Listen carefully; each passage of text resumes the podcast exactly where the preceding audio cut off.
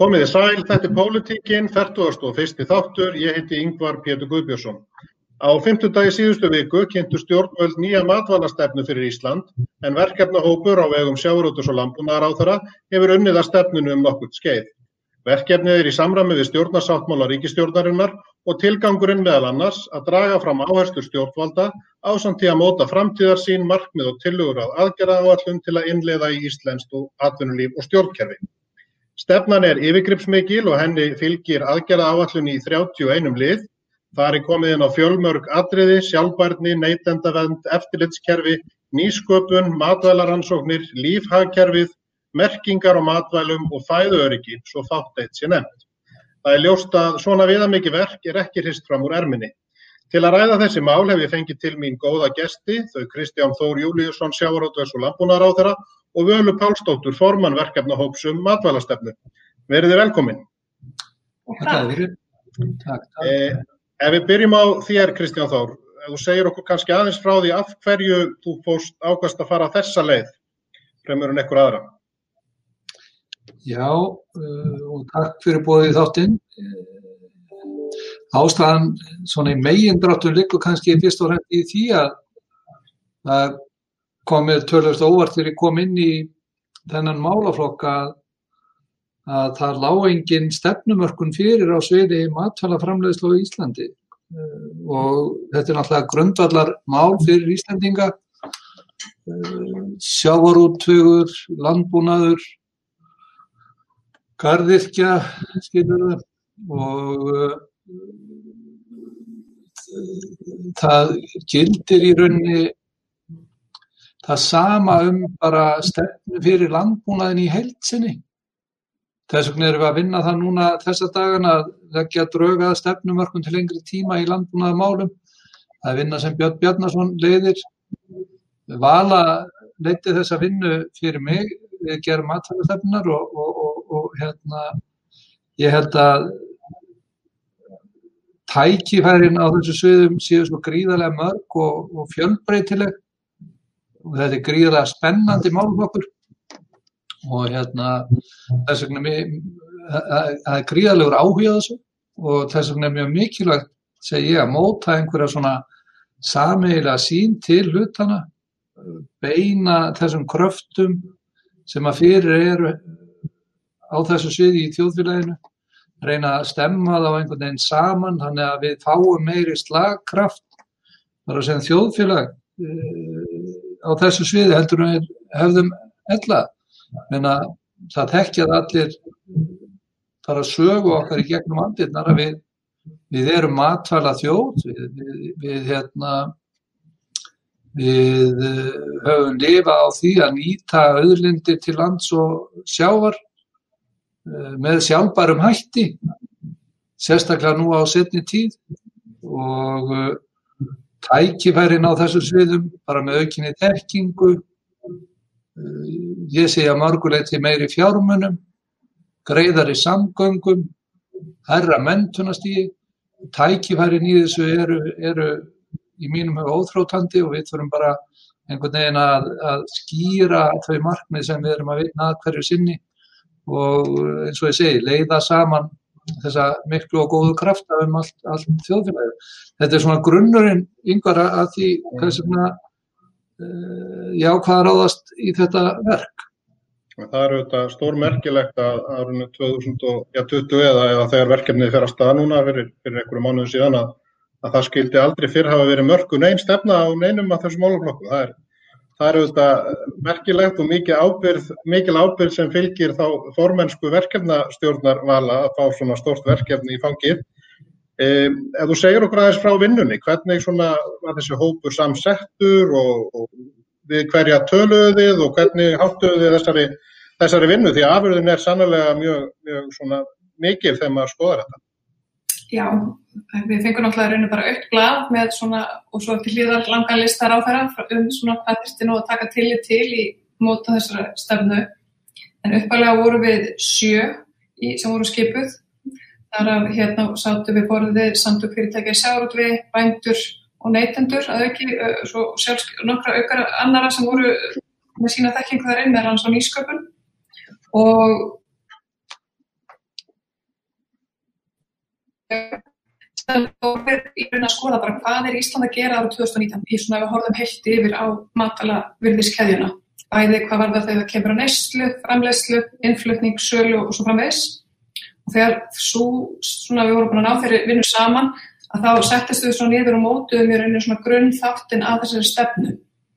Og það er í rauninu mjög merkelt að sjá hvað við framleiðum mikið mat, bæði á sviði sjáurútvegs en ekki síður landbúnar og ég held að landbúnar eigi talsveit mikið inni og, og hafi tækifæri til að vaksa enn frekar. Og, og við vildum svona kannski búa til ramma sem væri kannski heldur ekkert of þröngt skorðar þannig að það væri svigrum til að vinna innan þessa ramma þannig að þetta væri svona fimm grunnfættir sem að, að við getum svona felt okkur að og kannski tveir kannski þessi nýju þættir. Við höfum alltaf talað um verðmættasköpun það eru þetta svona grunnur að farsalt hérna á Íslandi og við höfum talað um umhverfið og Ísland getur verið í farabróti í lausnum og við höfum alltaf verið að vinna mjög vel með sjálfbarni okay. en kannski nýju þetta sem við erum kannski að setja fram er auki vægi neytenda. Það er bara að styrkja stöðu neytenda á Íslandi. Þeir hafa náttúrulega heilmikil áhrif með ákvörnatöku þegar þeir eru að vesla og og þetta snýr ekkert um að hann sé upplýstur, þetta snýr um að það sé vera miðla betur upplýsingum, það er á ábyrð framlegenda, innflytjenda, sölu eða líka, þetta svona, þetta verður alltaf að tala hvort við annað. Og svo hins vegar þátturinn sem snýr að heilsu. Því að stór hluti döðsfalla fyrir COVID mátti rekja til lífstílstengdara sjúkdóma. Og, og við vitum svo sem svarið við sumum þeirra, það er að huga betur á heilsunni og mataræðin okkar og, og og þetta að tengja þetta saman er bara mjög svona, góð, svona góðu grunnur ef við horfum til matala. Mm -hmm. Var, var fullt samstafa um, um þessa niðurstöður að það hafa ekki verið einhver áreikstrar innan þessara hópa sem að þú nefndir á þann sem koma þarna að? Nei, alls ekki. Ég rauninni, menn að þetta við áttum bara opið og gott samtal og þegar þessi svona kannski grunnskísla lág fyrir þá var umbóðið endur nýja til verkefnsóknins og hann var svekkar og við fengum fleiri að, meðal hann sem kom bara að umhverfismálum, við fengum líka inn samtök ferðarþjónustöðurinn sem er alltaf stór hluti því að fram að, þegar, hérna, fram að þessum heimsvaraldri þá vorum við með, meðatali 30.000 ferðarmenn hér á dag sem vorum að fæða. Þannig að það er sjálfsögur bara gott að fá sem flesta að borðinu. Og mér, við vorum mjög samstíga þegar við vorum bara búa til að mynda þennan grunn. En auðvitað þegar grunnurinn var komið, þá var eiginlega mest að vinna eftir. Það var að móta svo kjötið utan á beinin. Uh -huh. Það var bara mjög gott samtal og, og ég held að, að bæðið náttúrulega vilja hagsmunnaðal að koma sínum hagsmunum að.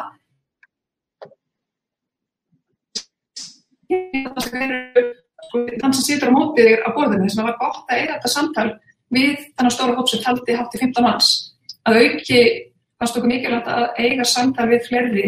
Við við til að mynda uh, hérna veganista, við töluðum við hérna, landvend, við töluðum við landbúnarháskólan og svo viðra og viðra.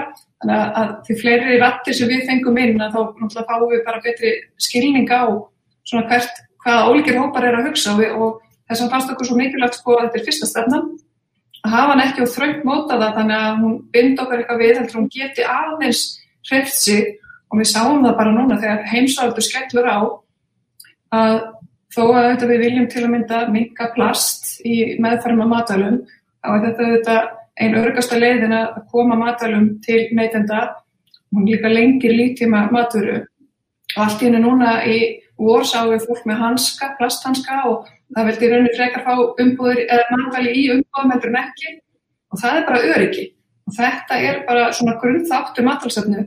Það er ekki annars vegar það að við fáum fæðun okkar en líka hún sé örygg. En ef þú fer kannski bara, þú komst inn á þann svona breyðumyndina og þessi fimm áherslu þættir, ef þú fer kannski stöpumálur svona hverjar eru helstu miðustöðunar í þessari yfirgrifsmiklu stefnu? Já, uh, ef við horfum bara til að heilt, svona heilt yfir á framleiðslu, framleiðslu á Íslandi, það verðum að þetta sköpun, þá er það bara líkilega aðprið að við höldum henni áfram og þarf að hlúa nýsköpun og, og, og aukinni framleiðinni hér á landi. Við höfum séð til að mynda sjárótveginn vinna mjög og vel úr sinni stöðu og við höfum sér hlýðargræna að vaksa og, og brett upp og verða stórfyrirtækjum og þetta er auðvitað bara eitthvað sem við getum lært af og umsala fært yfir á aðra grænar. Þannig að ég til að það sé mjög mikilvægt að hlúa að þessu og, og gæta að verðnartsköpun en á sama skapi að styrkja byggðir það er ekkert rosalega gott eins og við sjáum þróun erlendis að matala framhersla er að færast nær þjættbílum og þjæppast saman á eitt svæði eða færri svæði. Það er ekki bara ekki bara út frá umhverfispunkti, bara álag. Þannig að bara út frá þeim punkti ættum við auðvitað að horfa til þess að halda matala framherslu sem víðast á Íslandi og fara þess að best með náttúrun okkar. Það er eitt þáttur. Þegar við fórum og horfum á til og myndur sem ég nefndi neitundraðan, þá held ég að sé mikilvægt fyrir neytundur að hafa val, hafa frelsi til að velja og hafa samkeppni og samkeppni og samkeppni þetta Íslands, hún er alveg grundvallar atriði að íslenska vörur eigi erindi inn á markað hvort sem það er hér eða erlendis. Og ég tel að þetta sé svona kannski í grunninn svona stærstu, svo eru þetta með tölum um, um, um, um umhverfið, en þetta er svona kannski svona tótni sem við lögðum með þessa stefni, það er að gæta að verðmættasköpunni og auka þetta upplýskaflæði inn í keðjuna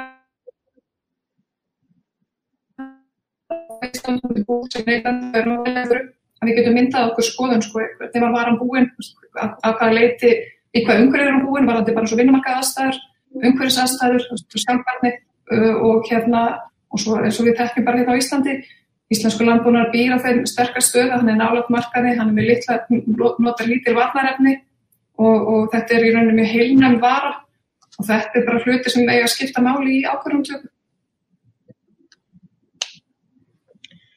Uh, Kristján, nú er ljóst að það eru þína ábyrð og undirstofnana að, koma þessari stefni í framkvæmt. Hún er, hún er eins og við höfum sagt metnaða full og, og kemur inn á marka þætti. Aðgerðaráallun er í 31 lið.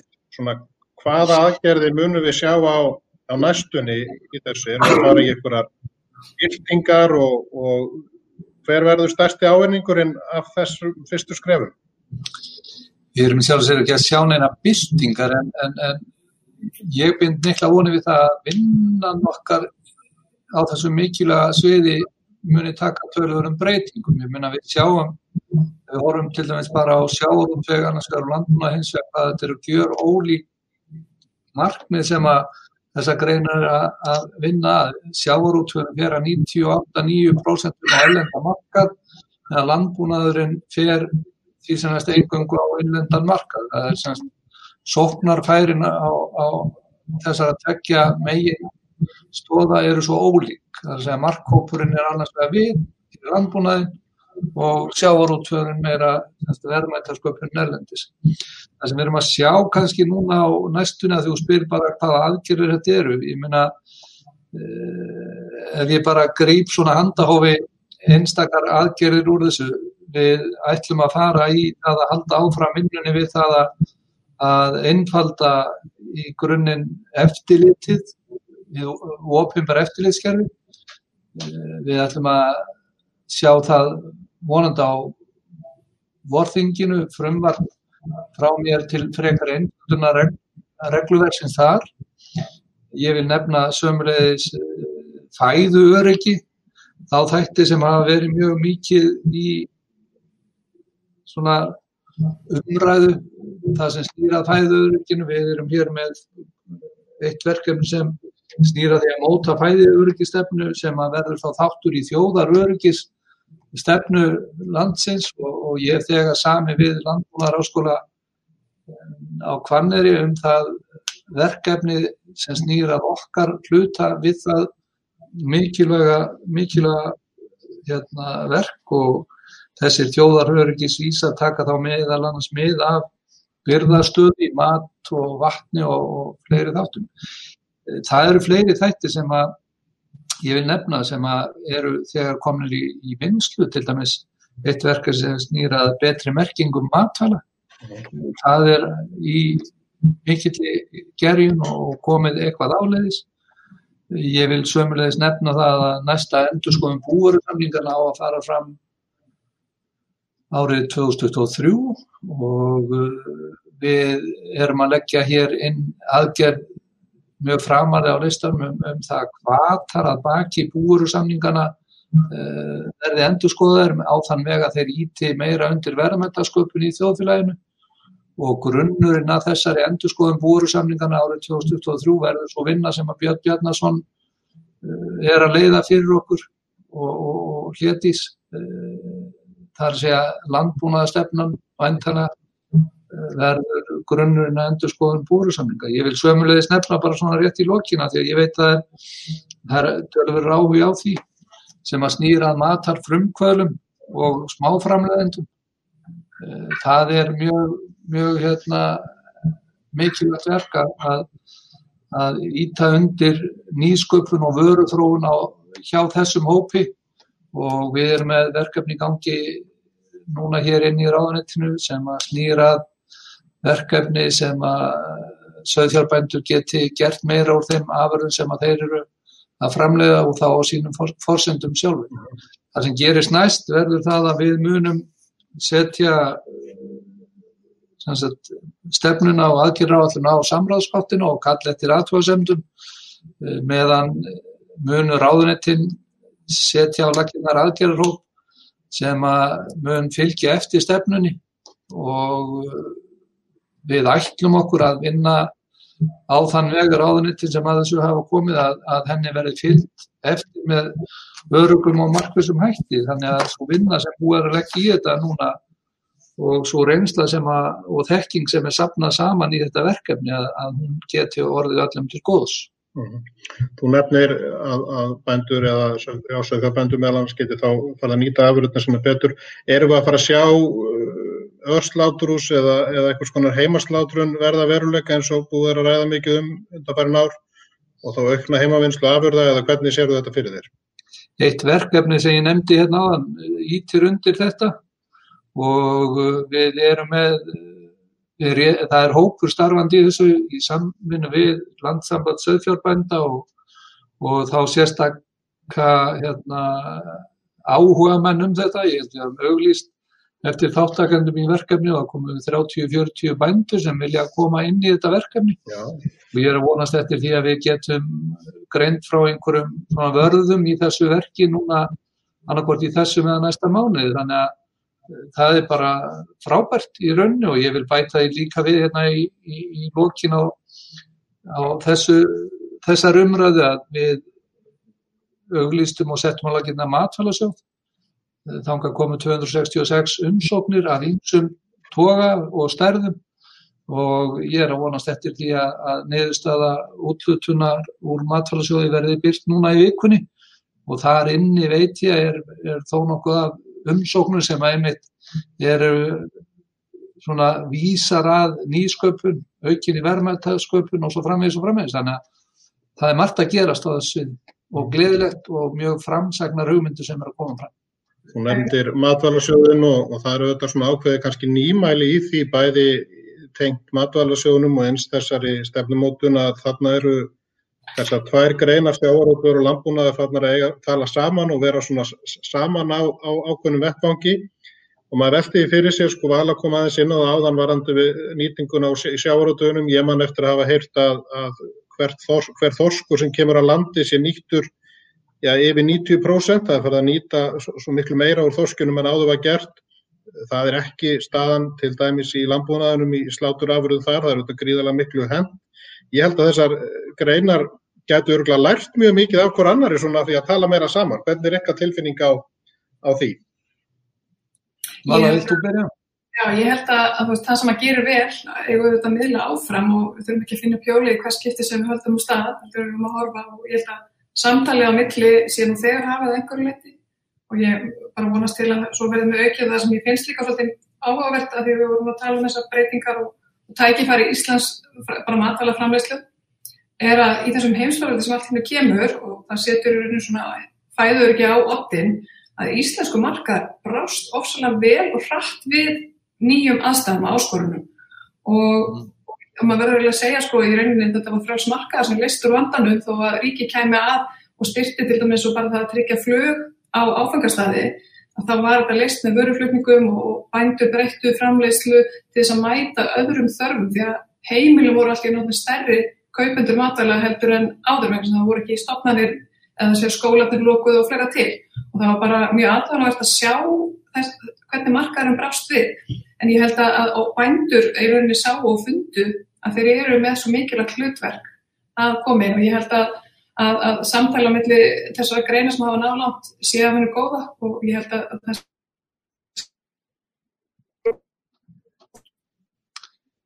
Tímanlust, ég tek undir þetta hjá völu, það samstarfi er bara til mikill að fyrirmyndar og getur orðið enn betra.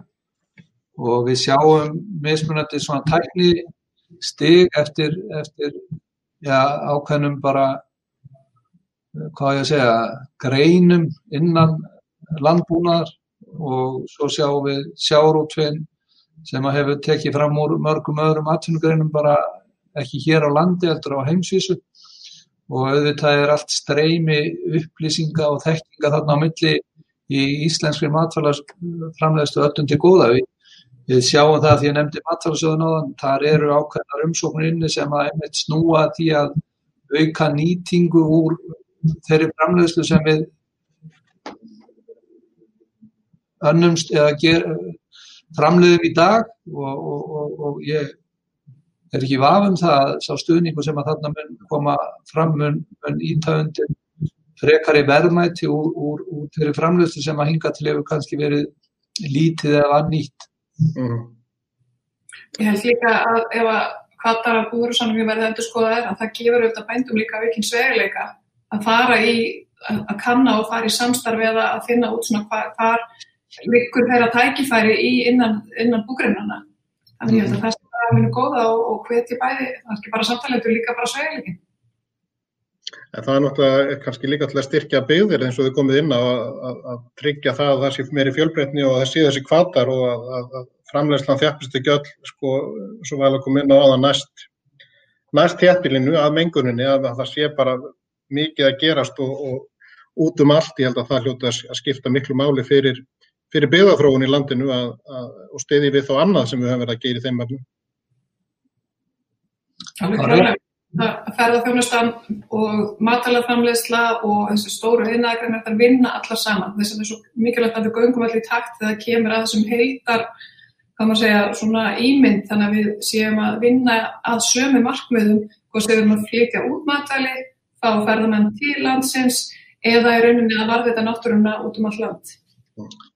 Og sér það bara yngvar að þessir eftir, eftir sótustu þættir varðandi það sem við erum að láta einn fyrir okkar varir þeir eru allir hér fyrir hendi í íslenskri matfæla framlegslu það er að segja hreinleiki hreint loft, hreint vatn rekjanleiki þannig að við getum alveg séð hvaða matfælinn er að koma.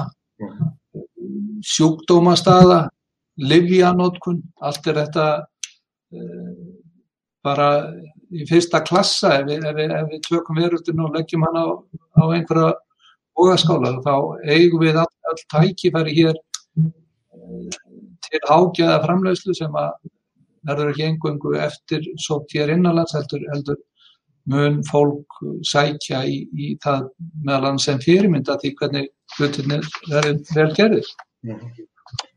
Svona kannski að lokun og að stefnan kynnt eh, á fymtudaginn og þið hafið eflust fengið eitthvað viðbröð, hver hafa þau verið svona helst? Þau hafa bara verið mjög gjóð. Auðvitað er alltaf einhverju sem að vilja koma meiru að og takjast og tækifæri til þess að viðra einhverja aðra hugmyndi sem ekki er inn í stefnunni og aðgjörra á allir sem að uh, þar er að finna. Það gefast tækifæri til þess í, í samráðskáttin en heilt yfir þá með tíða þannig að, að þau viðbröð sem ég hef fengið uh, sannfara mig um það að þetta verkefni var löngu tímabært og, og mikil eftirspurn eftir því að fá að, að stilla saman krafta, vilja, þekkingu til þess að auka bara lífskeiði þessu frábæra landu okkar. Já, ég held, ég tek undir það, fengið mjög góð viðbröð og ég held að líka því sé náttúrulega bara hversu viðtækt samtalið var í þessari vinnu að það fengur svo margir að ljá stefninu sko bæði á áhengið eða orð sín og ég held að það er svona kannski verið lagt grunnaði að þetta er svona, það geta allir sig við þetta, auðvitað vil einhverju meira en, en þannig er það bara þegar margir sitja við borðið að menn verða að komast að niðurstöðu og ég held að menn gangi bara mjög sattir frá og eru ánæðis. Ég held við látum þetta verða að loka orðin í þessum 40. og fyrsta þætti af pólitíkinu um leið og ég óskilku báðum innlega til hamingi með þetta viðamikla verk, matvalastefnum fyrir Ísland. og þakka ykkur fyrir að koma í þáttinn og, og segja okkur frá þessari vinnu. E, fyrir ykkur hlustendur góðir það var hægt að fara inn á matvælastefna.is og finna allar upplýsingar um nýja matvælastefnu þar og þetta er næst síðasti þátturinn á þessu ári. Í næsta þætti ræðir Guðfinnur Sigurvinsson við Bjarnar Binditsson, formann sjálfstæðisflóksins og fjármála og efnaðasráðara, þar sem að þeir munu gera upp árið, horfa inn í nýtt ár, spá meðal annars í kostningarnar og næstu ríkistjórn. Missið ekki á því.